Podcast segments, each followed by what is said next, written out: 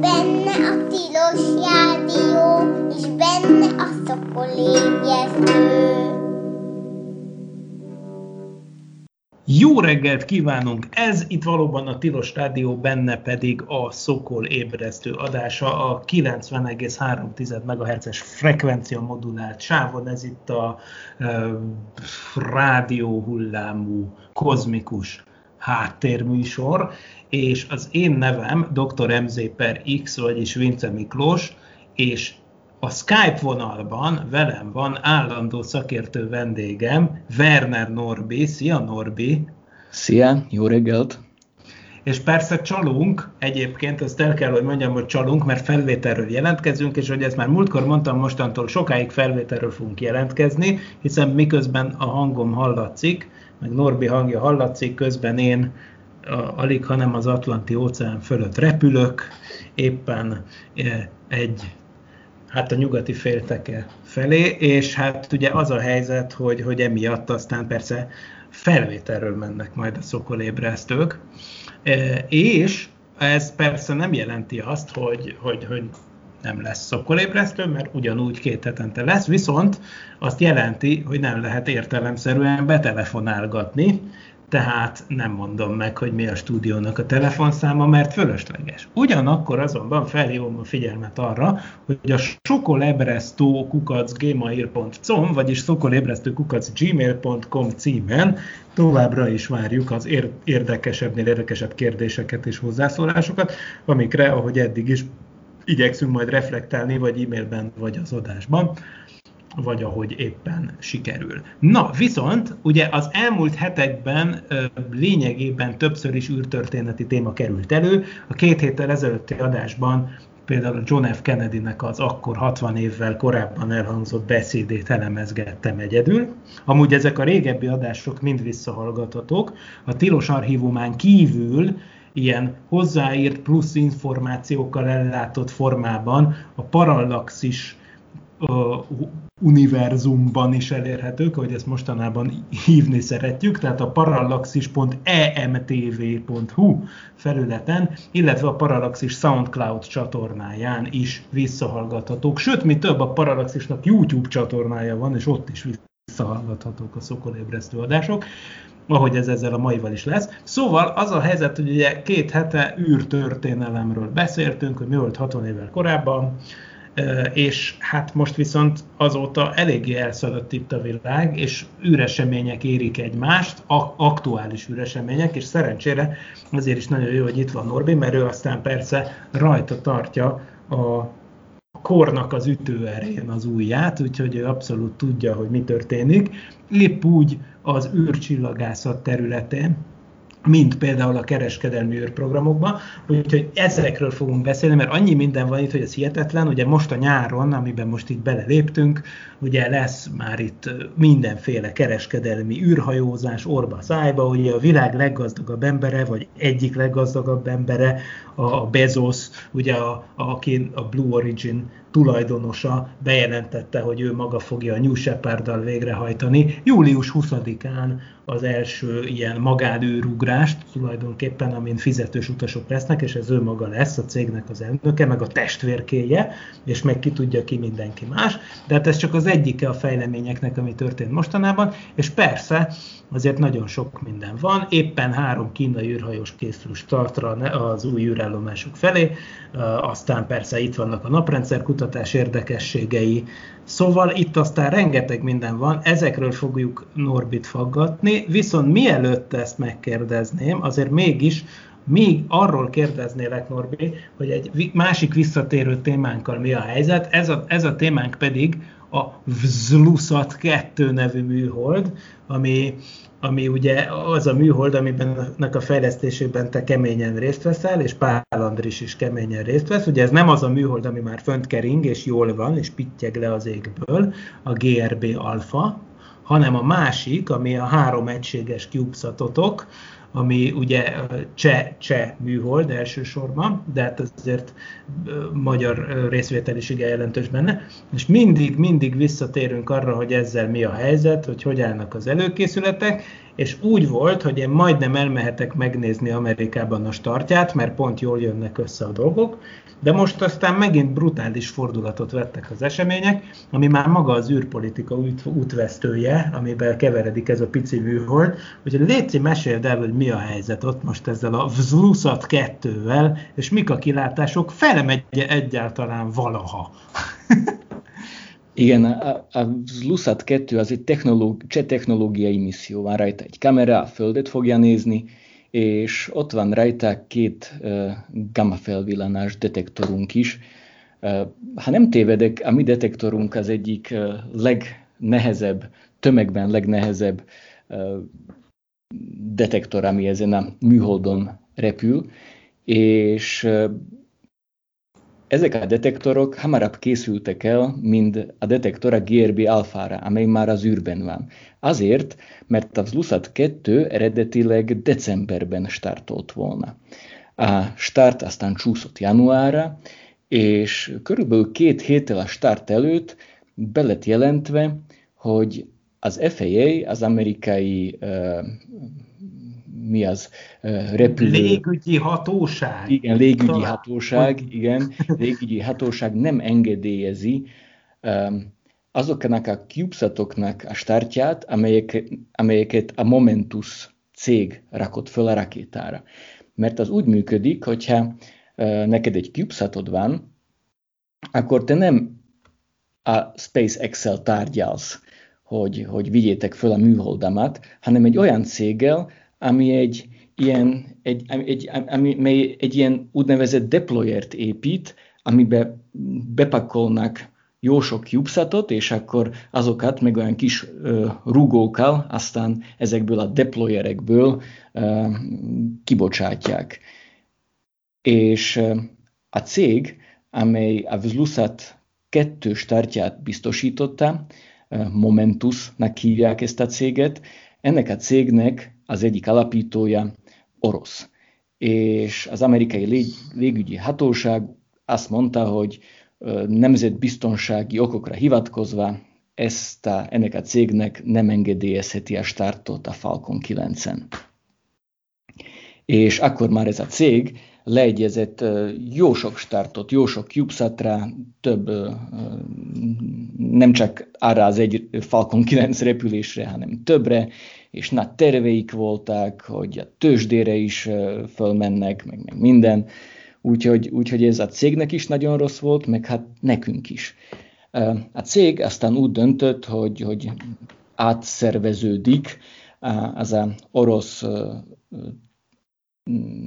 társ alapító, aki akkor a cégnek az elnöke is volt, a CEO-ja, lemondott, mint CEO, és bemutattak egy tervet, hogy az oroszok hogy fognak kilépni idővel ebből a cégből, a cég transformálódni fog, úgyhogy úgy nézett ki, hogy az FAA megengedi a startot a következő Falcon 9 ilyen CubeSat-okat fölvívő misszión, a Transporter 2 ami most június végén fog indulni. Viszont az amerikai légügyi hatóság megint azt mondta, hogy nem, nem engedélyezi a startot, nemzetközi, nemzetbiztonsági okokra hivatkozva. Úgyhogy ez már ilyen, ilyen, ilyen politika, nem egészen látom a nemzetbiztonsági okokat.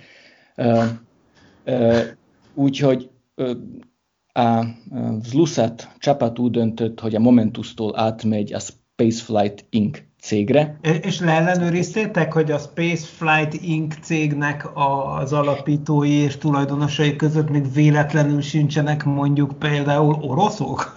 A Spaceflight Inc. már repült Falcon 9-en, az FAA engedélyezte előzőleg, úgyhogy... És azóta nem változott a tulajdonosi brigád.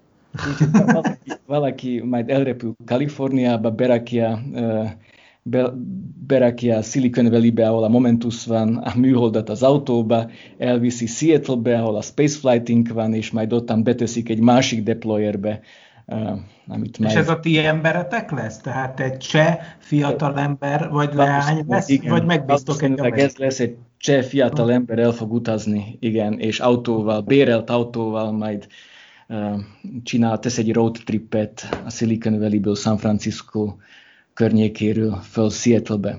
Hmm, szép, szép, szép. Az gyönyörű, nagyon szép út egyébként.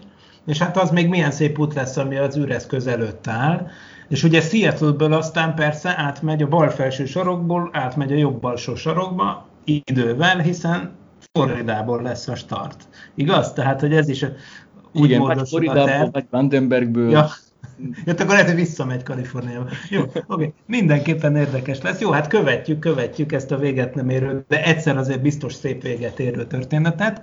Hát reméljük, hogy azért nyugtass meg minket, hogy a gamma detektor az nem olyan, hogy lejár a szavatossága, ugye? Tehát nincs Igen. ilyesmi, ettől nem kell tartani. Nem, nem, de, de a műhold uh, uh, aksiát majd fel kell ezt töltenie ott.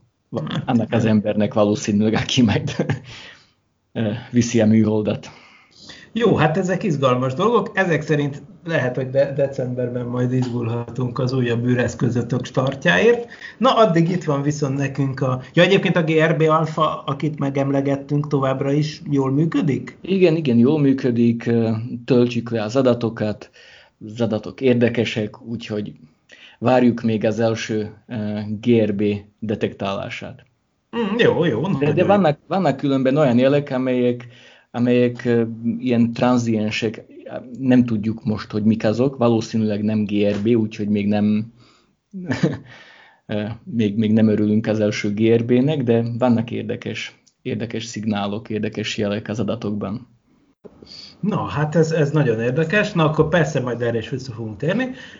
Ugyanakkor azért nézzük meg, mi minden történik még ezen kívül az űrkutatás érdekében, az is rettenetesen érdekes az űrturizmusra néha így rászoktunk nézni, és most úgy tűnik, hogy ez a nyár lesz az űrturizmus, illetve az űrcégeknek a nagy hónapja. Hát van itt minden. Ugye a New Shepard, ami egy ilyen, hát ugye a Blue Origin-nek egy ilyen uh, szuborbitális, azaz föl-le repülést végző, teljes mértékben többször felhasználható űreszköze, tehát egy rakéta, egy egyfokozatú rakéta, meg egy rászerelt, baromi nagy ablakokkal ellátott űrkabin tulajdonképpen, ami 100 km környékére fölemelkedik, a fizetős utasokkal, ugye, és, ma, és onnan ejtőernyőkkel száll alá a kabin, illetve a rakéta pedig visszaszáll lényegében az indítóhely közvetlen közelébe, tehát teljes mértékben újra felhasználható űreszköz, és azért kapta a New Shepard nevet, mert hogy ahogy egyébként 60 évvel ezelőtt Ellen Shepard végrehajtotta az első űrugrást, emberrel, ami az Egyesült Államok első repülése volt a világűrbe, ami egy 15 perces repülés volt, hogy nem állt földkörüli pályára a Redstone rakétával, hanem förment és lejött, és ugye ez volt az ő repülése. Most ehhez egy eléggé hasonló repülés koncepciót valósít meg ez, és innen a név. És éppen a Shepard repülés 60. évfordulóján, vagyis május 5-én jött a nagy bejelentés, hogy nagyon sok és sikeres, és a, itt a, a, az interneten is rendszeresen élőben közvetített tesztrepülés után, végre emberek is először helyet fognak kapni ezen a, ebben a kabinban, és aztán nem sokkal később jött a bejelentés, hogy tulajdonképpen kik is lesznek ezek az emberek. Na, és akkor itt adom át neked a szót, ez az egyik dolog, aztán még itt lesz mindenféle más űrturisztikai érdekesség, ami a következő hónapokban elő fog kerülni. Na de Norbi, hát mi a helyzet ezzel? Hogy van ez? Meg, meg egyáltalán most akkor, hogy, hogy lehet jelentkezni? Meg megyünk az űrbe, vagy, vagy mi? Szóval mi történik a, mi, tör, mi történik a Blue Origin-nél? Hát a, szerintem a Blue Origin uh, jobb reklámot és jobb uh, biztosítékot arról, hogy, hogy a New Shepard valóban biztonságos, uh, nem csinálhatott volna, mind azt, hogy, hogy mindjárt az első repülésen ott lesz maga Jeff Bezos, a cég tulajdonosa, testvérével. Ez tényleg azt jelzi, hogy ők, hogy ők hisznek benne, hogy ez az űreszköz nagyon biztonságos. Amúgy és... tényleg rengeteg tesztrepülés volt, ugye? Tehát igazából én már Igen. évek óta csodálkozom, hogy, hogy még miért nem volt eddig rajta senki. Igen, nagyon, nagyon lassan és megfontoltan halad a Blue Origin. És ami még, ami még egy olyan szép dolog, hogy pont a Holdra szállás évfordulójára tervezik ezt, az, ezt a repülést. A holdra szállás, mi lesz ez, 52. évfordulója. Igen. De hogy pont aznapra, ugye? Igen, pont aznapra. Július 20-ára. Igen, hát a szimbolikus dátumok bűvöletében élnek. Ugye május 5-én volt a bejelentés, ami a kerek Separd évforduló volt, és akkor jön a július 20-a holdra szállás évforduló. Na most ugye az viszont érdekes, hogy ha jól nézem ezt a kabint, azért ebbe többen beleférnek, mint ketten, tehát ha jól látom, ez egy hat Hárman lesznek. Hárman lesznek? Ki lesz a harmadik? É, é, azt, azt még nem tudom, Aha. és egészen pontosan nem olvastam, de azt hiszem, hogy, hogy lehet licitálni. Igen, igen, ez volt a május 5-i bejelentésben, most már emlékszem, hogy akkor azt mondta Jeff Bezos, hogy, hogy lehet, hogy, a, hogy, izé, hogy árverésre bocsátják Igen. tulajdonképpen. És akkor, akkor ennek még, még nem futott le. És mikor lesz eredményhirdetés, nem tudjuk, ugye? Nem tudjuk. Nem tudjuk. Majd bejelentik ezt is. Biztos valami szimbolikus dátumhoz lesz kötve. Ez lehet, hogy csak aznap reggel derül ki. Na jó, szóval, hogy ennyire elérhető közelségbe került, és persze ez, ez, ez a fizessünk be repülésre dolog, ami persze eddig is létezett, de más formában. Ugye eddig voltak olyan közvetítő cégek, mint például az Axiom, akiről mindjárt beszélünk, vagy, vagy ugye a a másik cég, aminek most hirtelen nem jut eszembe a neve, de hogy hívják, a, ami, ami például a Simonyékat, meg a, a Space Adventures, így hívják, a Space Adventures volt a, a klasszikus cég, aki kiközvetítette azokat az űrturistákat, akik a nemzetközi űrállomásra utaztak, de most már ugye lesz ilyen lehetőség, hogy bizonyos cégek közvetlenül annak a cégnek lehet fizetni, aki felvisz, és az a legérdekesebb és párnapos hír, hogy most ezen közvetlenül fizetős cégek sor, sorába beáll maga az orosz űrügynökség is, ugyanis most már nem csak úgy lehet jegyet venni a Szojuzra, kedves hallgatók, hogyha van valakinek összekuporgatott pénze a dologra, hogy, hogy a Space Adventures-nek fizet az ember, és akkor ők tulajdonképpen mint egy utazási iroda leboltolják az orosz űrügynökséggel a dolgot, hanem közvetlenül az orosz űrügynökségnek lehet fizetni, és, és lehet menni. Ugye nem tudom, valamiféle törvénymódosítás biztos lehetővé tette ezt a dolgot, hogy Ugye a NASA-nál ilyesmi amerikai kormányhivatalnál elképzelhetetlen lenne, tehát jogilag ez egy teljesen nonsens dolog lenne, de, de, de Oroszországban úgy tűnik már ilyen is van. és, és talán ide is kapcsolódik, hogy Oroszországban viszont filmet, film, filmforgatást terveznek az ISS-en, és ki is választották a színészeket, akik erre, erre fognak fölmenni. És, és közben meg itt azt olvasom tőled, hogy az Axiom, ami meg a másik olyan kiközvetítő cég, vagy az viszont tényleg egy ilyen klasszikusabb űrturizmus szervező cég, négy Dragon repülést rendelt a SpaceX-től. Na ezekről mit lehet tudni? Hát még nem lehet tudni pontosan, hogy, mert az, az amerikaiak is készültek filmet forgatni a nemzetközi állomáson, és lehetséges, hogy egyik ezeknek a repüléseknek az lesz, amikor fölmegy maga Tom Cruise. Maga Tom Cruise. De akkor azt lehet tudni, hogy ezek az ISS-re mennek, mert egyébként az Axiom az kiközvetített egy, egy, egy nem sokára megvalósuló repülést, aminek ugye megnevezték már az utasait is, a, a, a, a, ami viszont nem az ISS-re megy, hanem csak egy, egy relatíve magas földkörüli pályán fognak keringeni. Igen, ez, ez már szeptemberben fog repülni, és ott, ahol az űrhajó dokon az ISS-szel, ott egy ilyen üvegkupola lesz, úgyhogy várhatóan gyönyörű lesz a kilátás ebből a Dragonból. Figyelj, ez marha jó. Soha senki nem látta még olyan szépen. Talán az ISS kupolája Igen. lehet ahhoz fogható, de az ISS kupolája is olyan, hogy ugye ilyen több több ilyen, ilyen trapéz alakú üveg darabból van összeszerelve, és közben meg, közte meg ilyen ara, arasznyi merevítő rudak vannak, amik ilyen holttereket raknak a kilátásba, és ez viszont konkrétan egy egybefüggő, hát nem hiszem, hogy üveg amúgy, hanem valószínűleg valami plexi, de mindenképpen Lényeg, egy át, átlátszó. átlátszó, egybefüggő félgömb kupola, és abból fognak kinézni. Hát ez hihetetlen. Szerintem az űrkorszak történetében az űrsétálókat leszámítva senkinek nem volt még ilyen jó kilátásuk, mint amilyen ezeknek lesz. Pláne, hogy olyan magas pályára állítják ezeket, ami, a, amire tulajdonképpen, ha jól tudom, ugye hát az Apollo program óta nem volt példa. Mármint nyilván nem mennek el a holdig, de hogy olyan magasságba emelkednek, ami, amire földkörüli repülések során egyébként a Gemini programban volt utoljára példa. És egyébként nyilván az Apollo messze mentek, útközben átmentek olyan távolságra, de itt is ilyen, mit tudom én, 800 ezer kilométer, vagy valami ilyesmi. Igen, most nem tudom mi a utolsó, Igen, mi a utolsó ír, de, de, de, de, de szó volt pont ilyen magasságokról. De úgy tudom, hogy, hogy az inklináció olyan lesz, mint, a, mint az űrállomás inklinációja, úgyhogy ha valami gond lenne, akkor lehet, hogy át tudnak menni. Nem, nem mhm. fognak tudni dokkolni, de tudnának közel repülni az űrállomáshoz. Hát ez izgi lenne, de hát űrsétaruhájuk is van hozzá, vagy itt ez, ennek miért volna jelentősége? Nem tudom, de, de, de úgy, úgy, úgy olvastam, hogy az lesz a pályainklináció. Aha. Jó, jó, oké, oké. Hát ez egyszerűen lehet, hogy csak abból ered egyébként, hogy, hogy kényelmes. Hogy azért lesz, hogy biztonsági okok. Hát vagy a kényelmi szempontok, mert eddig minden Dragon arra a pályainklinációra ment, és akkor most, most minek írd át a fedélzeti szoftvert, hogyha egyszer valami működik. Már működik. Ja.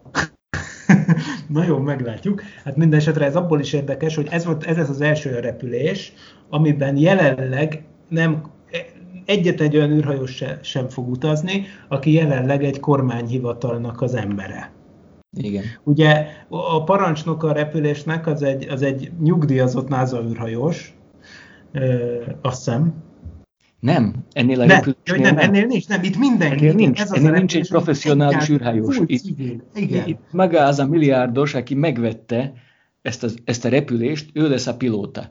Ő, ő amúgy egy, egy, egy pilóta, repül privát repülőkön, és, és ő lesz ennek az űrhajónak a pilótája. Ja, tényleg, igen, igen, igen, persze összekevertem egy másikkal. De figyelj csak, de azért igazából automatikus üzemmódban lesz a repülés, nem? Tehát most neki oké, okay, hogy ő pilóta, meg biztos ki is képezték arra, hogy szükség esetén átvegye az irányítást, de azért a, a, a, azért automatizált repülést. Igen, gondolom nem lesz sok dolga.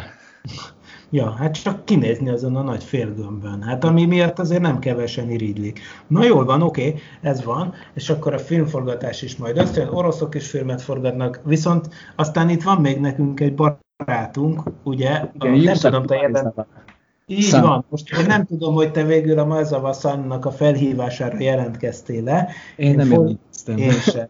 Én illetve fontolgattam, hogy ugye itt itt ugye arról van szó, kedves hallgatók, hogy van ez a japán úriember, aki igazából egy milliárdos, de ő egy, egy nagy, hogy mondják, csak egy mecénás, meg egy műgyűjtő hírében is áll, nagyon szereti pártolni például a művészeteket és ilyesmiket, tehát hasznos, vagyis szép dolgokra igyekszik fordítani a pénzét, és akkor egy ilyen performance-nak ő kitalálta, hogy, hogy ő bizony el fog repülni egy hold körüli utazásra, ami nem mással, mint Elon musk ütötték nyelbe ezt a szerződést, ami, amilyen ugye a hivatalos verzió szerint ilyen röhelyesen hamar, talán 2022-ben vagy 2023-ban kellene, hogy sor kerüljön erre, nyilván nem így lesz, de, de majd erre is visszatérünk. Ugye ez egy hold körüli repülés volt, vagyis lesz, és akkor eredetileg ugye az volt az ötlet, ötlete neki, hogy ő majd visz magával ő általa kiválasztott embereket, például művészeket, költőket, zenészeket, akik, akik majd ott a benyomásaikat a művészetükben megörökítik a repülés után, ami tehát egy, egy hold körül, egy szabad visszatérési pályán egy holdat megkerülő repülés lett volna, vagyis lesz talán. Viszont a, a, a barátunk ugye közben változtatott a koncepcióján, vagy legalábbis kibővítette a koncepcióját, mert legalább... Türelmetlen. Vagy csak türelmetlen. Na igen, igen, igen, egyrészt türelmetlen is, másrészt abban is változtatott a koncepcióján, hogy nem ő akarja csak úgy rámutatásos alapon kijelölni az utitársait, hanem kiírt egy pályázatot, amire bárki beadhatta a jelentkezését, Dear Moon volt a pályázat neve, hogy, és tulajdonképpen egy nagy világszintű pályázatból kell, kell, választja majd ki, hogy ki, kiket visz magával, és semmi megkötés nem volt a jelentkezésre. Az első fordulóban csak néhány szavas eszét kellett írni arról, hogy mi, mibe vagy te különleges, meg miért kell, hogy te eljuss a holdra. Neten lehetett jelentkezni, és most már nem tudom, most már a második körnél tart ez a kiválogatás. Igazából egy nagy műsor az egész, de persze türelmetlen is a barátunk, nem akarta megvárni a hold körüli repülést, ezért aztán befizetett az oroszokhoz egy körre az ISS-re. Na most ez, ez mi? Mikor lesz az? Mit fog ő ott csinálni? Tehát ez a szokásos, szokásos űrturista konstrukció most akkor ugyanaz, mint a Charles Simonyiek voltak, és akkor ez most újra indul, vagy, vagy itt most ezt hogy kell értelmeznünk? Hogy ő, ő, ő miért gondolja úgy, hogy ő most elmegy az ISS-re? Én, én ennek nem néztem eléggé utána, de én szerintem én ezt úgy láttam, hogy ez olyasmi konstrukció, mint a Charles Simonyi konstrukció uh-huh. volt, hogy, hogy egy Soyuzon, mint űrturista el fog repülni körülbelül tíz napra az ISS-re. És hát valószínűleg akár ki akarja próbálni a Soyuzt, akár a nemzetközi űrállomáson is repülni, lehet, hogy akár egy űrrepülést még azelőtt, ahogy a Starship-pel körül, körbe repüli a holdat. És ha megtudja, hogy rosszul bírja a súlytalanságot, akkor kiveszi a pénzét a hold körüli buliból? Nem tudom. Ne, nehéz kérdések ezek. Ugye az, egy, a, a, az ő honfitársa, az Akiyama, aki az, aki az első riporter volt, aki fölment az űrbe, hogy mir űrállomásra, a Szovjetunió végnapjaiban, a szovjet-japán közös a, aki ugye egy tévés, tévé, hát a, japán egyik televíziónak volt az a újságírója, és hát ő rettenetesen rosszul bírta a súlytalanságot. Na mindegy, persze, ezt nem azért mondom, hogy, mert, mint hogy, csak hogy azóta ő lesz az első japán civil az űrben.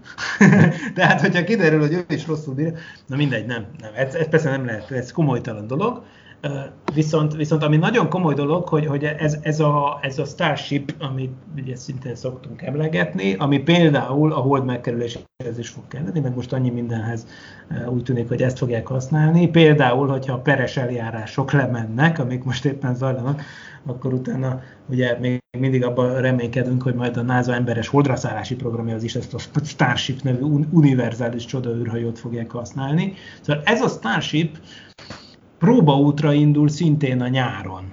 Ha jól tudom, az, a, a, azok a hírek, és akkor most kérdezlek téged, mert te, te követted jobban ezt a SpaceX-es dolgot.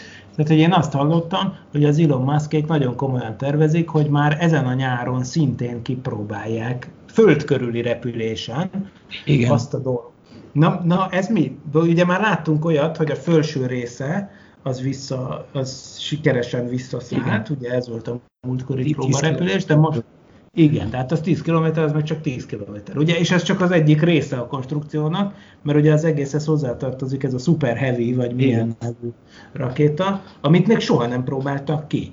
Igen, most, most ilyen egyre nagyobb darukkal építik a, a, a kilövő állást magára a Super Heavy-re, vagyis a, a teljes um, 120 méteres Starshipre, hm. és Elon Musk azt állítja, hogy lehet, hogy már júliusban megvalósul ez a repülés, amit éppen említettél, viszont amikor kérték a frekvenciákat a hatóságoktól, akkor ott specifikálniuk kellett ennek a repülésnek a több részletét, és ott az áll, hogy július és december között aha, aha. lezajlani ez a, ez a repülés. Itt már az a Starship, ami előtte fölment 10 kilométerre, és aztán szépen visszajött és leszállt. Rajta lesz a Super heavy egy ilyen 70 méter nagyságú boosteren, maga a Starship az 50 méteres, úgyhogy az egész az, az ilyen 120 méteres lesz, kb. akkora, mint a Saturn 5-ös rakéta volt. És, Sőt, ezek szerint magasabb. És, ami azért durva. Na. Igen. És ez a repülés, ez úgy fog megvalósulni, hogy, hogy ez a, ez a Super Heavy fölviszi a Starshipet, leválik róla, a Starship bekapcsolja a saját hajtóműveit, hogy föld körüli pályára kerüljön, ez a Super Heavy közben megfordul, és úgy fog manőverezni, mint hogyha térne vissza Boca Chica-ra, és körülbelül 20 kilométerre a parttól úgynevezett puha leszállást fog szimulálni a tengerbe, és utána a tengerbe potyan és elsüllyed. Tehát, tehát csak úgy csinál, mintha ott lenne mondjuk Igen. egy drónhajó, de nem lesz ott. Nem lesz ottán semmi, úgyhogy ez ott. el fog pusztulni, és ez így van tervezve, és maga a Starship nem fogja megkerülni a Földet, de Hawaii környékén vissza fog térni a Föld atmoszférájába, és ugyanúgy egy idézőjelben puha leszállást fog szimulálni a tengerben. Így van leírva magának a missziónak a profilja abban a dokumentumban, ahol a SpaceX kérte a hatóságoktól a frekvenciákat, hogy kommunikáljon az eszközzel. Tehát egyébként ugye ez azt jelenti, akkor tehát akkor ezt nyomatékosítsuk még egyszer, hogy ugye Boca Chica-ból fog a tervek szerint földkörüli pályára állni a rendszer. Tehát, hogy ezeket a, ezeket a Starship-eket a jövőben is úgy tervezik, hogy Boca Chica-ról fogják indítgatni? Tehát nem, nem Igen, de van már ez nem képkeneverelről. De, de a Kennedy űrközpont 39A állásán is ö, megkezdtek olyan munkákat, hogy kiépítsenek ott egy, egy ilyen kilövőállást a, a Starshipra. Ezek a munkák leálltak egy idő után, hm. úgyhogy, úgyhogy nem tudni, lehet, hogy majd újra beindulnak, de, de a SpaceX-nek vannak olyan elképzelései, hogy a Kennedy űrközpont 39A állásáról is ö, fogják ezt, ezt majd felbocsátani. Elképesztő. Jó, hát igazából ebben az az legérdekesebb, hogy számomra, hogy, hogy ezt a, hogy mondják, Super Heavy nevű hordozóeszközt, ezt igazából még egyáltalán nem próbálták ki. Tehát, hogy ez, ugye ez lesz az első próbája, és nem is tudom, hogy egyáltalán a megépítése ennek hogy halad, hát nyilván jól, de arról már vannak elérhető fényképek például? Igen, ez a, igen, igen. Ez a 70 méteres kis, igen. kis már meg is építettek egyet, ami csak egy ilyen konstrukciós tesztpéldány volt, úgyhogy a szét is szedték utána, hogy megépítették, és most építik a, a kettest és a hármast. Hmm. És ezeknek, ezeknek az egyikkel lehet, hogy csak a hármas fog repülni, lehet, hogy a kettest még csak, ezt, ezt nem tudom. Jó, hát minden esetre azért ez elképesztő, hogy itt milyen ütemben fejlődnek a dolgok, itt Boca Chicán és környékén. Szóval egy őrületes nyárnak nézünk elébe, az biztos, de nem csak az űrtechnikában van ez így, hanem például nézzünk csak szét azért a szűkebb szakterületet felé, a csillagászat, űrcsillagászat világába, ugyanis hát az is van, hogy egyrészt a Dark, Ener- Dark Energy Survey-nek a három éves eredményei is ugye mostanság lettek ki, kiengedve, vagy hogy mondjam csak, publikálva, ami, hát egyrészt meséld el, hogy ez micsoda, meg hogy mit, mire, mit várunk tőle, és hogy különben is. Mi ez? Hát itt, itt, itt most egyszerűen csak eltávozunk a nagyon távoli világegyetem kutatásához, űrhajózástól, de jó, a Dark Energy Survey célja a sötét anyag és a sötét energia felmérése. Ez egy, ez egy, ez egy ilyen kollaborációs projekt, amelyben körülbelül 400 csillagász vesz részt, és ez egy olyan kísérlet, amely a csilei Blanco távcső, ami egy 4 méter távcsőn zajlik, 4 méteres távcső, és ennek a távcsőnek a fókuszában van egy 570 megapixeles kamera. 570 megapixeles kamera, képen egy iPhone-nak egy 12 megapixeles kamerája van. És ezzel az 570 megapixeles kamerával ez a Dark Energy Survey kollaboráció 2013. augusztusától 2019. januárjáig 750 éjszakán keresztül fényképezte az eget. És amit most ez a kollaboráció nyilvánosságra hozott, ez a, ez a három, ennek a projektnek a három év, el, első három év adatai, tehát 345 éjszakán keresztül készült fényképeknek az eredménye, amely során ez a távcső az égbolt nyolcadát fényképezte le, és az égbolt nyolcadán 226 millió galaxis látszik. Hm. És már ez önmagában, ez, ez, ez, ez csodálatos. 226 millió galaxis, és így, így, így ég, égbolt nyolcada így le van fényképezve. És az első ilyen, na és ők nyilvánosságra hoztak 30 cikket, és ezekben a cikkekben nagyon-nagyon óvatosan fogalmaznak. De van ott egy olyan eredmény, hogy a világegyetem anyag eloszlása egy icipicit egyenletesebb, mint gondoltuk. Na most, most ez, ez, ez miért nagy dolog, hogy egy icipicit egyenletesebb az anyag eloszlása a világegyetemnek, mint gondoltuk. Van az úgynevezett kozmikus háttérsugárzás amely 380 ezer évvel a ősrobbanás után eh, keletkezett, és abban az eh, háttérsugárzásban, vagyis a fény, ami abból a kor, korból van, amikor a világegyetem csak 380 ezer éves volt, ott látunk ilyen egyenlőtlenségeket. És ott, ahol eh, nagyon korán egy kicsit sűrűbb volt az anyag, ott kéne kialakulniuk a legsűrűbb galaxis halmazoknak a világegyetemben, és ott, ahol kevésbé sűrű részeket látunk, ott pedig ilyen nagy üres területeket kéne megfigyelni a világegyetemben. Tehát, hogyha megnézzük, hogy hogy nézett ki a világegyetem 380 ezer évvel az ősrobbanás után, és hogy néz ki ma, amikor a Dark Energy Survey lefényképezte a galaxisok eloszlását, akkor és most ezt összehasonlítjuk a világegyetem modelljével, a kozmológikus modellel, a úgynevezett Cold Dark Matter Cosmology-val, amely szerint a világegyetem 68%-a az úgynevezett sötét energia, 27%-a az úgynevezett sötét anyag, és 5% a normális anyag, ami atomokból van. Hát így, így az egész teljesen összhangban van a mi kozmológiai elképzelésünkkel, azzal az egy különbséggel, hogy az anyag eloszlása egy kicsit egyenletesebb.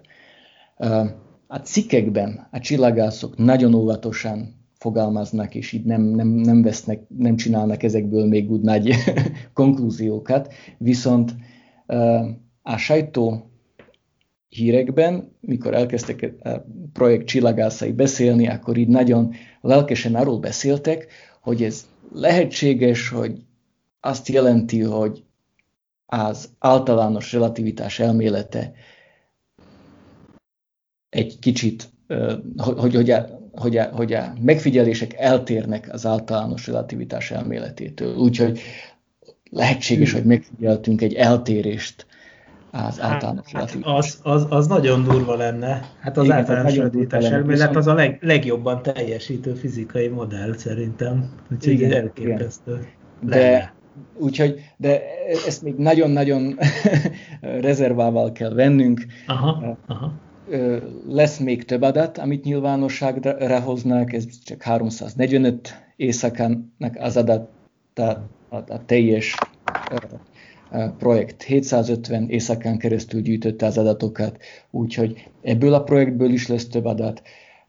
Készül még az LSST, a Rubin teleszkóp, ami, ami még jobb térképet fog készíteni a világegyetemről a jövőben lesz még a, a W First, ami egy űrtávcső, lesz még az Euclid, egy másik űrtávcső, ami szintén... A W First az az a távcső, nem, ami, ami, abból a, ami azt a tükröt fogja felhasználni, amit a kémműholdak igen, igen. Ké, igen, kémműholdakhoz nem használtak föl, és akkor igen, végül az, amerikai az a katonák űrtávcső. megszánták a názát egy kis... Igen, igen, ajándékba adtak egy, Ajándék. egy távcsövet a názának, amely, amely akkora nagy, mint a Hubble űrtávcső, viszont a fókusztávolsága rövidebb, úgyhogy a távcsőnek uh-huh. nagyobb a, a field of view. Uh-huh, igen, látóter, látómezője. Látótere, igen. látómezője uh-huh. nagyobb. Úgyhogy ez a W First olyan éles képeket fog csinálni, mint a Hubble, viszont sokkal nagyobb lesz a látómező, úgyhogy gyönyörű térképeket fog készíteni a világegyetemről. Tehát a jövőben megtudjuk, hogy ez az egyenletesebb eloszlás, ez tényleg, hogy, hogy ezeket későbbi adatok ezt, ezt megerősítik, vagy megcáfolják. Hát igen, az, az érdekes, hogy, hogy, hogy ugye annak idején, amikor, amikor tanultuk a kozmológiát, akkor ugye tulajdonképpen a, a, a, szinte, hát mondjuk posztulátumként, vagy hát szinte axiomaként mondjuk be, volt, volt bevezetve az, hogy, hogy hát az univerzum homogén és izotróp, és akkor ebből következik ez és ez. Magyarán, hogy, hogy az anyageloszlás az valamilyen skálán, e, még ha azt nem is látjuk, hogy hol, de hogy, hogy elméletileg valamilyen skálán egyenletesnek kellene, hogy legyen. Igen, nagyon nagy skálákon. Nagyon viszont, nagy skálákon. Nagyon nagy skálákon, viszont kisebb skálákon az anyageloszlás igen. Az meg, nem igen, egyenletes. Galaxis azok vannak, nagy üres terek vannak, fonalak, galaxisok és sötét anyag fonalai kötik össze a galaxis halmazokat, úgyhogy az anyag eloszlás struktúrája ilyen, ilyen pókhálószerű. És akkor ehhez képest meglepő, hogy mégis egyenletesebb az eloszlás, mint amit például jósolni lehetne abból, hogy az emlegetett mikrohullámú háttérsugárzásnak a kis rücskössége, ugye, ha úgy tetszik, abból mi következne, úgymond ezekre a kis egyenetlenségek Igen. méretére nézve, és akkor ehhez képest azt a, találta ez a felmérés, hogy mintha egyenletesebb lenne. És Igen. akkor azt mondod, hogy ez ott, ott kapcsolódik be az Einstein-féle gravitációs egyenletekbe, vagy, a, vagy hát azoknak a, a tesztjébe úgymond talán, ugye, ha jól értem a dolgot, hogy azok, a, amiket ilyen fluktuációként, vagyis ilyen kis hát hogy mondjam, göcsörtökként látunk ebben a kozmikus mikrohullámú háttérben, azok ugye az, az évmilliárdok alatt a téridőnek a, hogy mondjam, csak ilyen kis görbültségéhez vezettek volna, amik viszont arra kényszerítették volna az anyagot, hogy, hogy, hogy maguk is lekövessék ezek eloszlását. Ahogy mondod, hogy le is követik, ugye, ezzel a szálas szerkezettel végül is. És akkor ehhez képest viszont meglepő, hogy mégsem annyira, mégsem annyira követik le, tehát még ehhez képest... Egy, egy, de ez tényleg egy icipicit, ez egy pár százalékkal. Igen, egyen. igen, értem, értem, igen, csak ez azért marha és, nagy dolog, mert... És, és a cikkekben én nem találtam erre semmi utalást. Jó, hogy jó ezt jól ismer, ezt jól ismerjük. Ezt, Jó, ezt, nem, ezt nem említették a cikkekben. Igen, viszont... de ezt a jelenséget jól ismerjük, hogy a kutatók azok Igen. nem tök ugyanazt mondják az újságíróknak, mint, a, mint amiket leírnak a cikkekbe.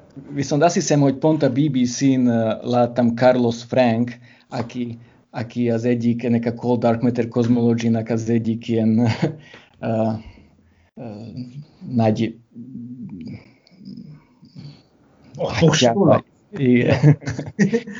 Na, hogy, és ő mit szól? Arról, arról beszélt a BBC-nek, hogy, hogy igen, hogy itt lehet, hogy új fizika, stb. Úgyhogy Hát érik, érik már az az új fizika, érik már, mert, mert hát igazából so, sok minden úgy tűnik, hogy nem ér össze, úgyhogy mindenképpen Igen. részecske fizikusoknak is nagyon kicsit depresszív, de érdekes korszak ez, és hát nyilvánvaló a kozmológusoknak is, hiszen azért döbbenetes, hogy amit elmondtál, ezek a százalékok azt jelentik, hogy a, hogy a világegyetemünket alkotó dolgoknak a 91 néhány százalékáról nem tudjuk, hogy micsoda ugye? Vagyis hát a tehát még ötletünk sincs. De az az érdekes, hogy tudjuk, hogy mi nem. Tehát az a legszebb ebben az elméleti jóslatban, hogy ugyan nem tudjuk, hogy miből van például a sötét anyag, de azt tudjuk, hogy a nagy része az nem lehet olyan anyagból, mint amiből mi vagyunk. Tehát az úgynevezett barionikus sötét anyag, ami mondjuk atomokból áll, csak el van valahova dugva, arra is van egy felső limit, hogy a, hogy, hogy, hogy abból nem lehet ennél több, és akkor minden mást azt valami olyan anyagtípussal kéne kidumálni, amit még senki nem látott, a sötét energiáról meg nem is beszélve. Ami ugye azért felelős, hogy gyorsulva tágul a virágegyetem, bár most láttam, hogy pont az archívon, nem olvastam el még rendesen, de, de, de, de, de hogy létezik nem teljesen komolytalan támadás erre erre, hogy, ami, a, hogy, hogy az univerzum ugye Nobel-díjjal jutalmazott meg ezerszer ellenőrzött uh, gyorsuló tágulását valakik mégiscsak kétségbe vonják. Most ez, tehát, hogy mondjuk ez, ez érdekes csavart hozna be a történetbe, de hát ugye ezek, át, ezek még azért a tudományosság peremén vannak, olyan értelemben, hogy ez egyáltalán nem egy ilyen fősodorbeli vagy mainstream gondolat, de hát ezért néha ezekre is érdemes odafigyelni, mert azt látjuk, hogy azért, azért, azért nem akar összeállni ez a kép, ugye? És akkor tehát, tehát vannak itt azért Igen, még... igen, mindenképpen érdekes időket élünk. igen, igen, ez jó, mert hát ugye elmeséltük, hogy az űrturizmusban is, és, és hát persze az alapkutatásban is, és akkor az alapkutatáshoz visszakanyarod, va, még, még arról is ejtsünk néhány szót, hogy abban is nagyon érdekes időket élünk, hogy mi van az életkereséssel. Mert ugye azért mégiscsak az élet a világ mindenség, meg minden. Ugye a világ mindenségről most beszéltünk, meg a mindenről is, de milyen helyzet az élettel? Ugye tudjuk, hogy a Marson ott dolgozik a Perseverance nevű eszköz, ugye amiről rengeteget beszéltünk, az a rover, meg az Ingenuity kis fantasztikus kis marsi helikoptere, amiről szintén rengeteg szót ejtettünk már a szokolébresztőben. Mert hogy ugye a Mars az a bolygó, ahol életet illik keresni. Most ehhez képest, hogy a Mars az a bolygó, ahol életet illik vagy illene keresni, ahhoz képest a Perseverance 1975 óta az első olyan küldetés, amit azért indítottak el, hogy életet keressen, illetve ez nem igaz, mert az angoloknak is volt egy kis leszálló egysége, ami szintén az életkeresés kifejezett céljával ment el a Marsra, csak sajnos nem nagyon sikerült neki. Most már tudjuk, hogy sikerült leszállni a szegénynek 2003 karácsonyán, ugye ez volt a Beagle 2, de nem tudott hazarádiózni, mert valahogy pont nem nyílt ki az antennája a szegénynek. Lehet, hogy ez is egy nagy lehetőséggel puskázása volt. Na mindegy, szóval életkeresés a Marson, oké, okay, zajlik, és még sok tennivaló van. Viszont ugye azzal sokkolta a világot, ugye tavaly az a bejelentés, amiről tartottunk is egy, egy, egy szokolébresztőt, annak idején mindjárt meg is mondom, hogy hanyadik szokolébresztő volt az, hogyha valaki vissza akarja hallgatni, amiben, ami, amiben az volt a témánk, hogy, hogy a Vénuszon ugye találtak rádiócsillagászati módszerekkel egy foszfin nevű vegyületet, ami arra engedett következtetni, hogy élet lehet a Vénuszon, annak is a felső légkörében pontosabb van, mert ott sokkal jobbak a viszonyok, mint a felszínén. Egyébként ez a Szokol ébresztő 89. adása volt, amin ezt kibeszéltük 2020. szeptemberében, tehát nem is annyira rettenetesen rég. Úgyhogy aki akarja, az ott vissza is hallgathatja, pont ugye ezt mi ketten beszéltük meg. És akkor meg is jósoltuk, hogy ennek bizony, ennek a felfedezésnek vagy igaz, vagy nem, azóta mindenféle kérdőjelek merültek föl, hogy itt módszertanilag helyes volt a következtetés, pedig nagyon óvatosan csinálták, de mégis. Lehet, hogy mégsem a foszfén volt, vagy lehet, hogy mást mértek, szegények. De a lényeg az, hogy, hogy amit akkor 2020. szeptemberében megjósoltál, hogy, hogy most ez azért fel fogja kelteni az érdeklődést a Vénusz iránt, és űrszondás terveket fog eredményezni, amik a Vénuszhoz fognak repülni, ami egy eléggé elhanyagolt bolygó volt egy kicsit a naprendszer kutatás szempontjából, a Marshoz képest mindenképp. Szóval ezt megjósoltad, és hát úgy tűnik, hogy ez most a NASA legújabb tervei szerint ez, ez, ez meg is fog valósulni. Mit, mit, mit lehet ezekről tudni? És, az és úgy... nem csak a NASA, az ESA is. Igen, úgy, így van. Úgyhogy a NASA bejelentette, hogy, hogy két missziót fog a Vénuszhoz küldeni, a Veritas-t és a Da Vinci-t. utána Európa pedig bejelentette, Európai űrügynökség, hogy az Envision missziót fogja a Vénuszhoz küldeni. Amerikában egy olyan versenyről volt szó, ahol négy misszióból választották ki kettőt. Itt ez a négy misszió, kettő a Vénusz misszió volt, ami ki lett végül választva, az egyik a Jupiter jó vulkanikus holdjához vezetett volna, a következő pedig a Neptun Triton holdjához, ahol, ahol ilyen jégvulkánok vannak. Úgyhogy a NASA úgy döntött, hogy két missziót küld a Vénuszhoz, az egyik misszió többször át fog repülni a Vénusz mellett, és a harmadik átrepülésnél leenged a Vénusz atmoszférájába egy ilyen, egy ilyen átrepülő egységet, ami mérni fogja az Vénusz atmoszférájának a tulajdonságait.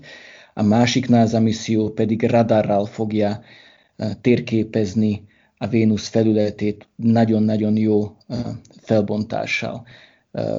Az előző NASA misszió, a Magellan is egy ilyen radaros misszió volt, de ez sokkal-sokkal jobb felbontással fogja térképezni a Vénuszt. De a radar, radar térképezés az persze rettenetesen érdekes, de annak ugye nincsen közvetlen életkeresési relevanciája.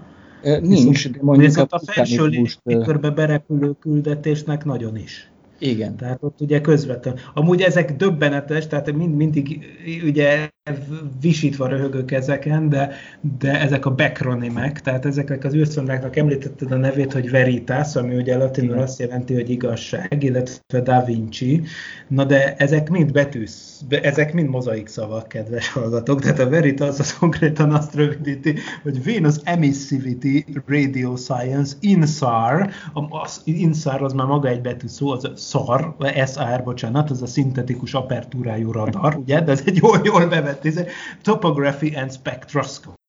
Ez a Veritasnak a feloldása, őrület, és a Da Vinci-nak pedig, vagyis Da Vinci Plus-nak a Deep Atmosphere Venus Investigation of Noble Gases, Chemistry and Imaging. És plusz. És plusz. Igen, mert volt egy Da Vinci, és ez még, még jobb, mint az előző, amit ami szintén nem, ami nem valósult meg. a nasa igen. Elképesztő, igen, igen, igen. Szóval hát ez, ez hihetetlen. Na, hát mikorra lesz, mikor lesz ezekből küldetés? Tehát, hogy ezek mikorra vannak betáblázva, ezek a, ezek a, hogy ezt már lehet egyáltalán tudni? It's, én, én úgy emlékszek, hogy olyan tíz év múlva. Na, um, jó. Sokat kell még aludni. Sokat kell még aludni. De hát igen, kedves hallgatók, ezeknek ennyi az átfutás ideje, tehát nem mindenki úgy dolgozik, mint az Elon Musk és kis barátai, akik egyébként szintén tíz évekig dolgoznak, csak mindig azt mondják, hogy jövő nyárra minden kész lesz, de, de a azért egy űrszonda, űrszonda tervezés, ez, ez, ez bizony... Ez de, de még, egy... még hagyd mondjam el az, az európai sztorit, mert ennek van ránk nézve is.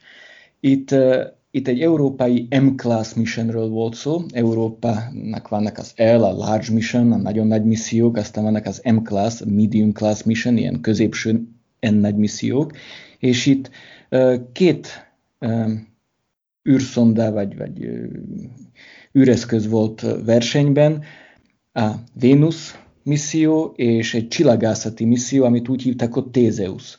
És a Tézeus kutatta volna gamma felvillanásokat. Uh-huh. Az, egy, az egy nagy gamma felvillanás műhold lett volna, és így nagyon sok csillagász nagyon remélte, hogy, hogy ez lesz Például kiválasztva. te is, nyilván. Igen, de azáltal, hogy ez nem lett kiválasztva, és egy ilyen misszióra szükség van, a gravitációs hullámok, források detektálása miatt, így még nagyobb szükség van a Camelotra. Felértékelődik a projektetek. Igen. Hát ez őrület. Na, hát jó, oké. Okay. Oké, okay, akkor egyik szemet sír, a másik meg röhög. És közben még a Vénuszról is érdekes dolgokat lehet tanulni. Igen. Hát ez tök jó. Oké. Okay. Annak mi is a neve? Envision, vagy hogy mondtad? Igen. Nyilván az is egy idióta betűszó. Nem? Tehát, hogy hogy... Igen, de én nem is próbálom már ezeket a betűszavakat megfejteni. Kérlek szépen, én ezt már is megpróbálnám, de úgy tűnik, hogy nem. Tehát az Envision az érdekes módon az, az, az, az nem, nem, nem. Az, az, az valahogy, valahogy ezt nem, nem, nem írják le legalábbis. Az a honlapján nem, nem, nem oldják föl ezt, úgyhogy itt még az is lehet, hogy... Tehát nagyon ambiciózus misszióról van megint szó. A Vénusz geológiáját, felszín összetételét, atmoszféra összetételét kutatni, úgyhogy ez nagyon-nagyon érdekes lesz, mm.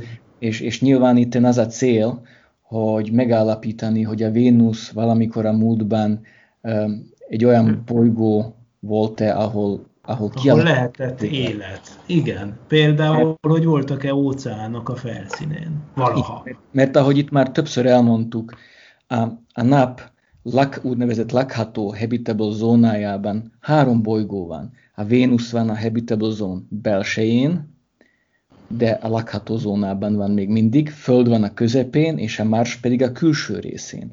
Úgyhogy elvileg minden három bolygó lehetne lakható, és lehetséges, hogy a múltban minden három bolygón voltak olyan körülmények, hogy kialakulhatott az élet. Sőt, ami a felső légkört illeti, a Vénuszon akár ugye lehet is.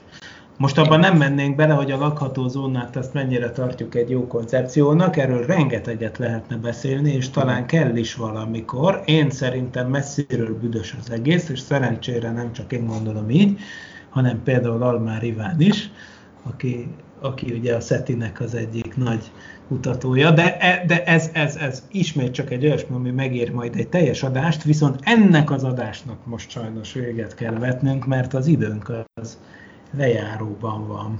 Úgyhogy én azt hiszem, hogy a Vénusz kutatásra is, meg erre a Habitable Zone témakörre is majd egyszer ne, egy külön beszélgetést kell, hogy szenteljünk. De most viszont nem maradt más hátra, mint hogy megköszönjem neked, Norbi, a bejelentkezést, és a hallgatóknak pedig a figyelmet. Két hét múlva megint lesz szokolébresztő, a témát azt majd kitaláljuk addigra, és hát mindenki vigyázzon magára, és jó nap, további jó napot, szép napot, és jó hetet kívánunk mindenkinek. Sziasztok! Sziasztok! Ti-